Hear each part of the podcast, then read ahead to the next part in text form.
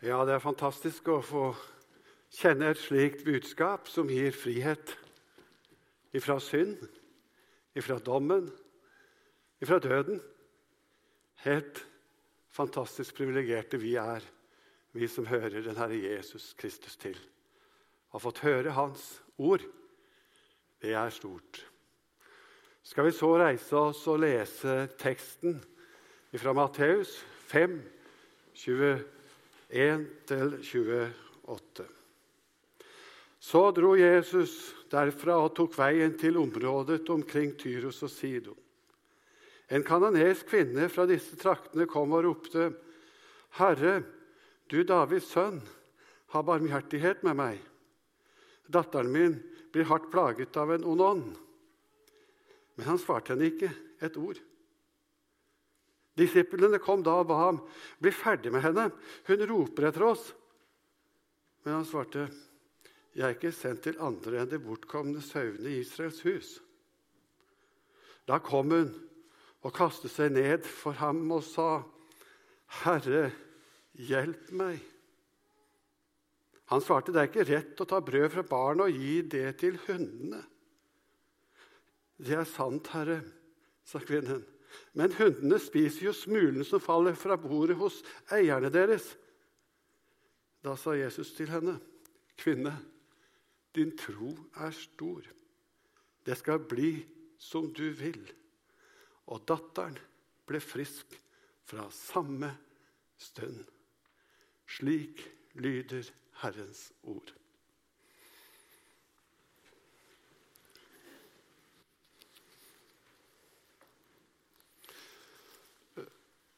Noen ganger overrasker Jesus oss.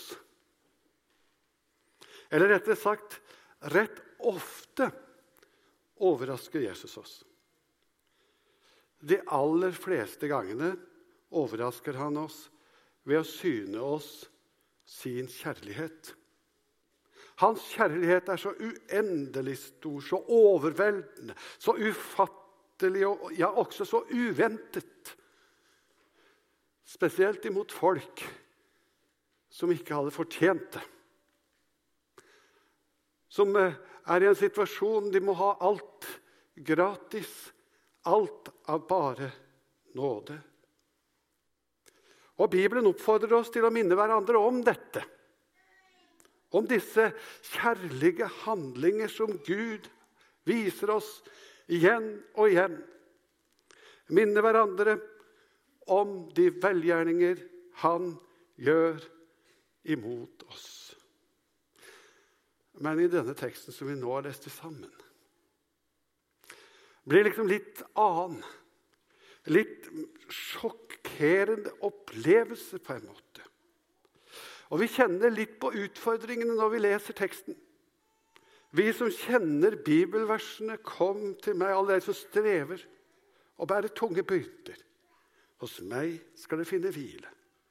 Vi som år etter år har pekt på Jesus som problemløseren, som giveren, som den som gir og gir igjen og igjen.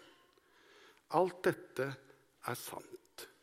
Han er, han er denne personen som vi skal komme til med våre byrder. Og var det noe denne kvinna bar på, så var det byrder. Det skjønner vi.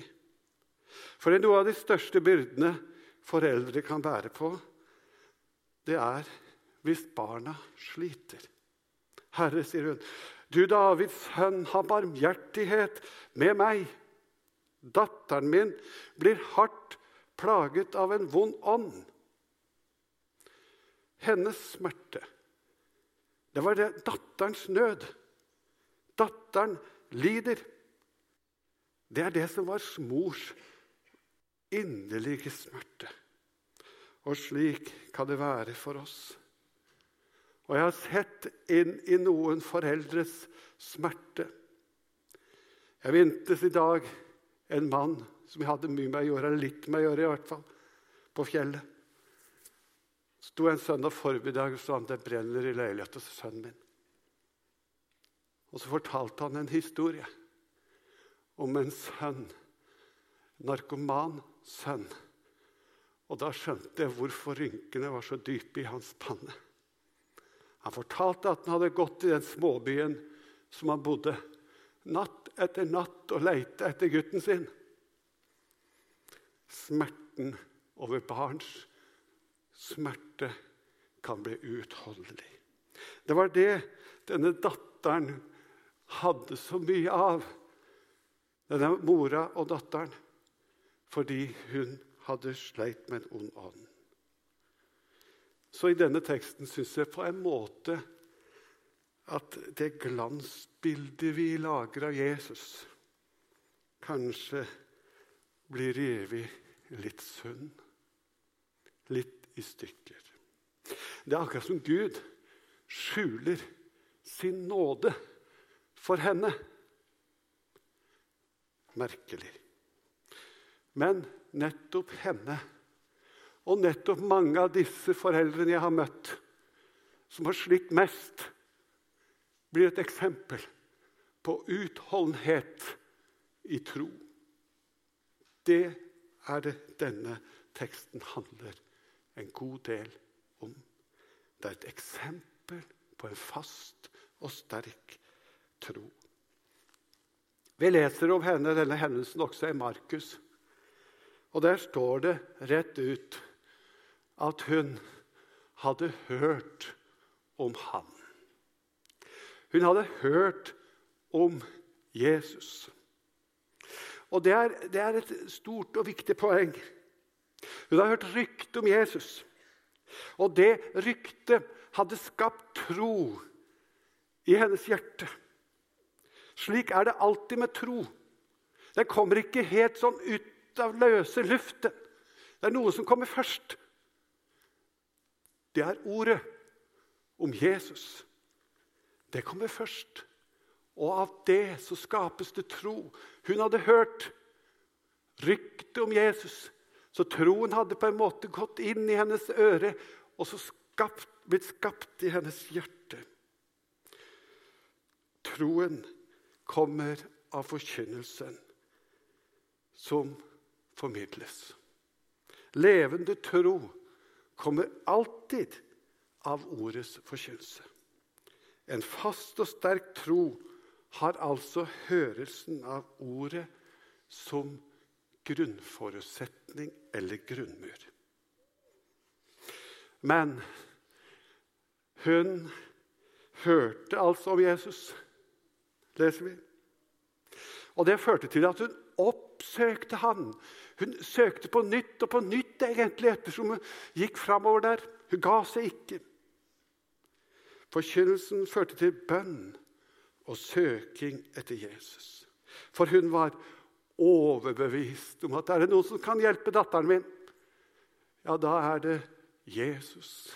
Det er han som er svaret, tenkte hun. Så kan vi spørre oss et litt ransakende spørsmål. Vi hører, og vi hører.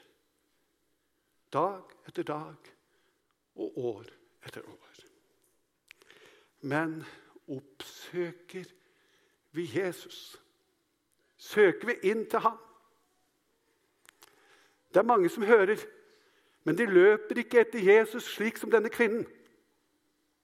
Hvorfor, har jeg spurt meg når jeg har arbeidet med den teksten. Hvorfor er det slik? Jo, kanskje svaret ligger i denne teksten. Kanskje det har noe med to ting å gjøre. For det første så hørte hun altså, og for det andre så erkjente hun et enormt behov. Hun hadde en kjempesmerte. Det er de syke, sier Jesus, som trenger lege. De som har erfart at de ikke kan greie seg selv. Og så har de hørt om han. Og kombinasjonen av disse to ting det førte altså til at hun oppsøkte ham og ga seg ikke. Hun ga seg ikke selv om hun kjente på så mange ting i hennes liv og hennes situasjon som ga henne god grunn til å la være å søke Jesus. På en måte så kjente hun nok på en form for utenforskap. Kanskje et dumt ord. Men jeg har tatt med dette for at vi skal tenke oss om litt. Hun kunne fristes hun, til å tenke som så at 'jeg hører jo ikke til'. Det er ikke min plass her. Jeg er hedning. Jeg hører ikke til. Og hun fikk på en måte bekreftet dette utenforskapet. Kanskje det fins en her i dag som kjenner på nettopp litt av dette utenforskapheten. Du passer liksom ikke inn. Du er ikke en av de som hører til. Da skal du lære av den teksten. Da skal du ikke la denne følelsen hindre deg i å søke Jesus. Det er jo det som er så flott med denne kvinnen, og det er derfor hun er et eksempel. Hun kjente på og visste at hun hørte egentlig ikke til. Og likevel, likevel så ga hun ikke opp å trenge innover mot Jesus. For du hadde hørt et fantastisk budskap og blitt kjent med en, så, en person som, som er sterk og kan løse det som hun sleit med.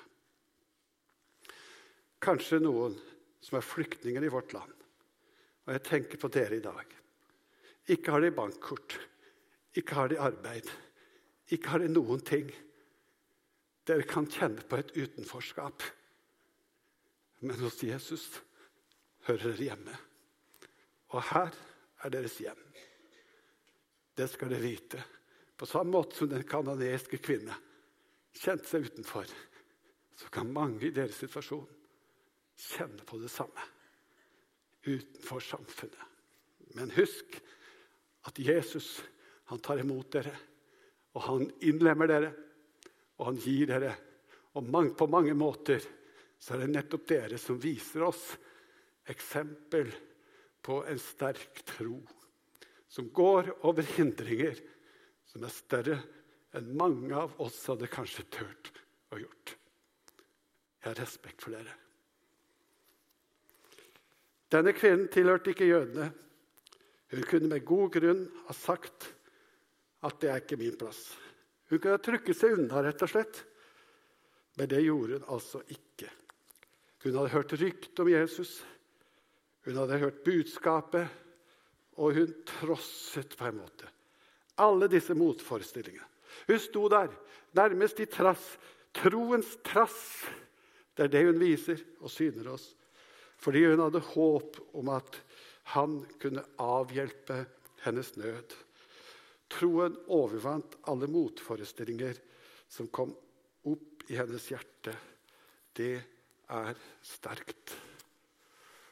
Og så en ting til jeg har lyst til å si til dere. Og det var hennes bekjennelse. Herre, Davids sønn. Forbarm deg over meg.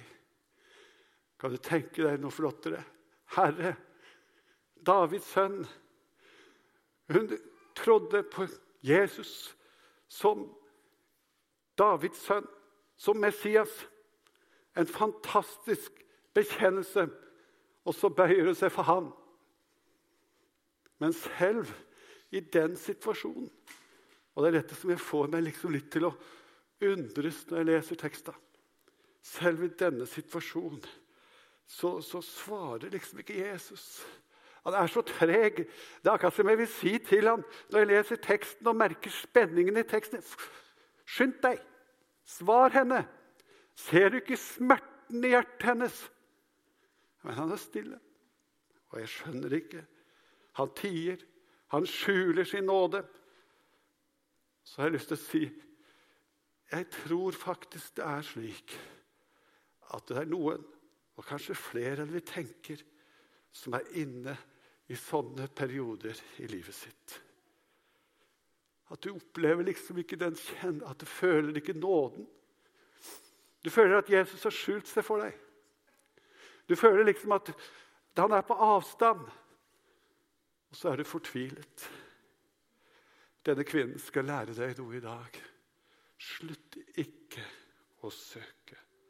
Stol på Han også i slike perioder.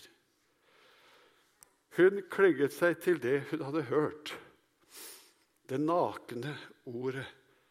For oss er det å klynge seg til ordet alene. Må Gud hjelpe oss i, i nøden, i smerten og ikke minst i døden. For vi skal gjennom den porten, alle sammen, og holde fast ved løftet i Bibelen. Men jeg ser også en enda verre smerte på en måte når jeg leser teksten nøye. Og dere ser jo at disiplene også ber til, ber til Jesus på en måte for denne kvinnen. De sier 'Se, jeg får gjort noe med henne'. Hun maser sånn. Likevel svarer drøyer enda litt med svaret. Det er noe å tenke på. Kanskje du òg har vært så frimodig i ditt liv med din smerte at du har gått til en eller annen og bedt om forbønn, og så er det like mørkt.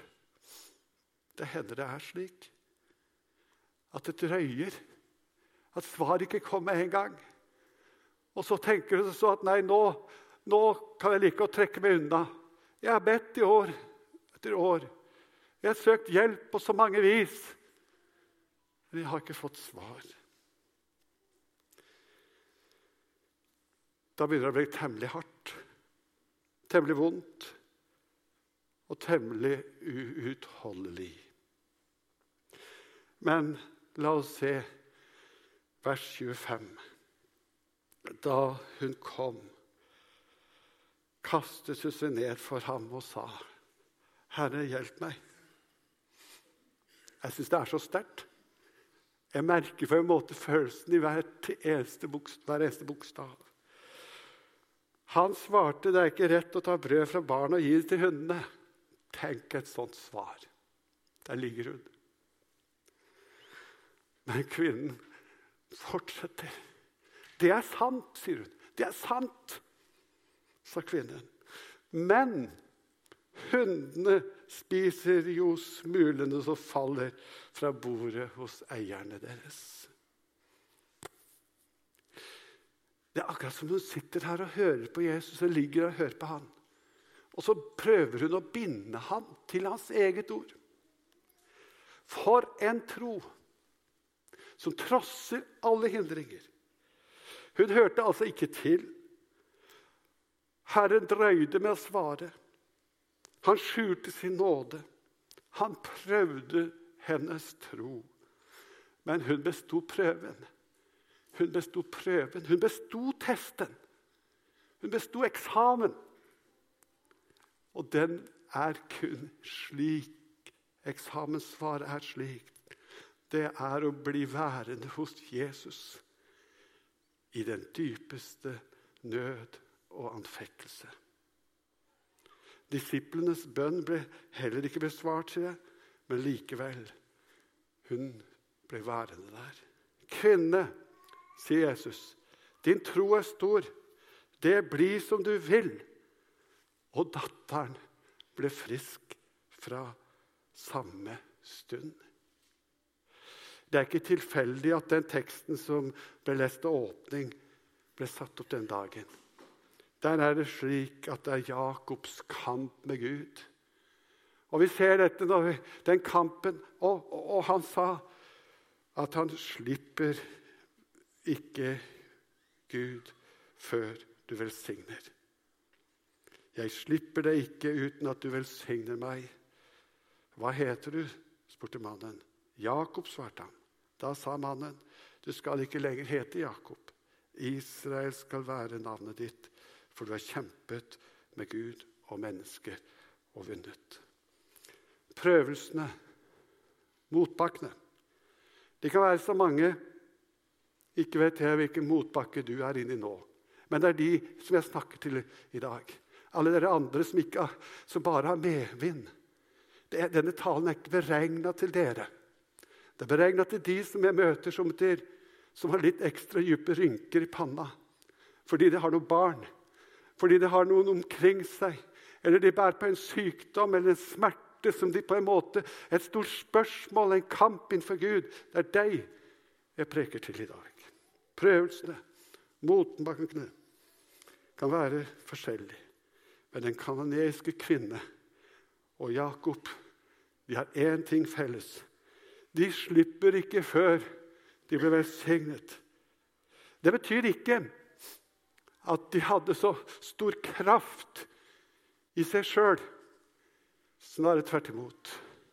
De hadde så stor nød og stor fattigdom og så stor avhengighet av Jesus at de kunne ikke slippe ham.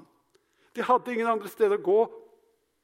Slik er det med oss i smerten, nødens stund.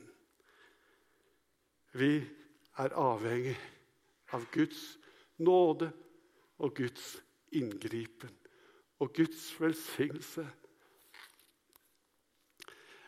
I forberedelsen av denne talen her, så lærte jeg et eh, litt sånt rart ord som jeg ikke har hørt før, men som dere skal ta med nå. Og det heter fjernunder. Fjernunder. Det er litt rart.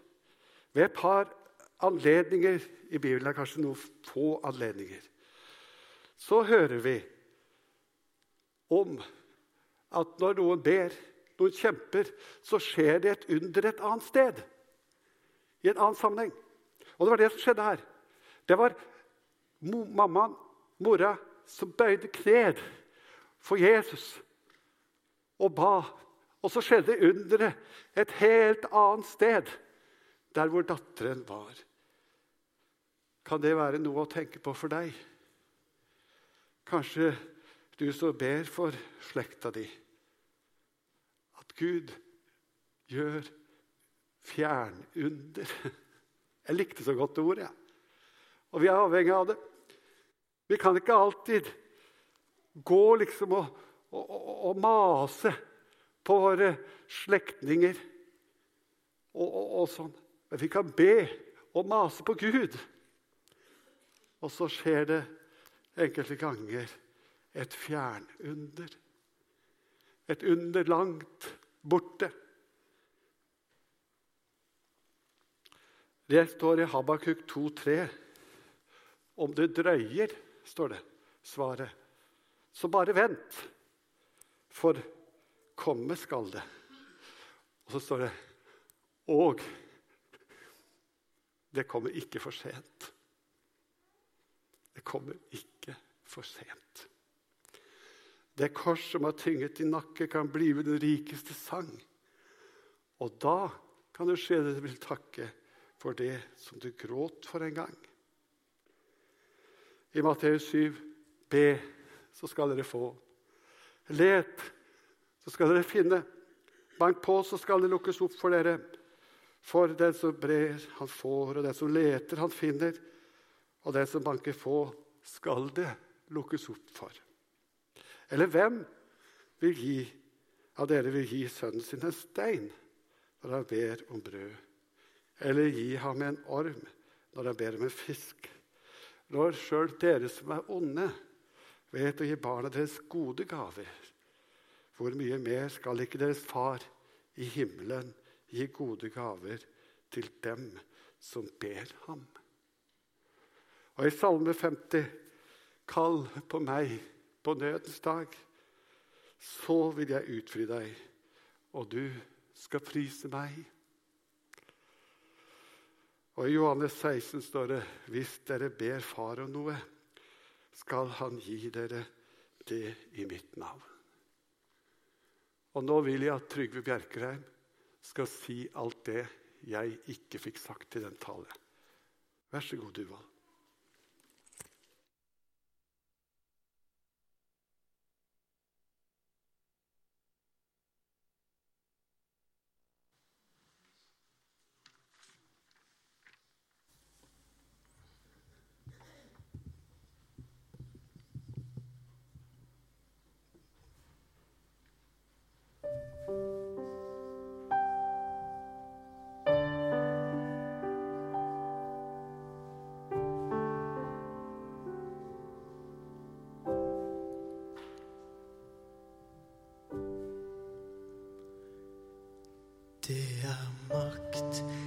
De foldede hender. I seg selv er de svake og små. Men mot allmaktens Gud du dem vender. Han har lovet at svar skal du få. Det er svar underveis. Engler kommer med bud. Om det drøyer det fram, da skal nå. For det lovet jo løftenes tro. Faste Gud, kall på meg, og du hjelpen skal få. Du som ber for ditt barn, dine kjære, er i forbønn fra år og til år. Om du tålmodets lekse må lære, himmelens bønnesvar en gang du får.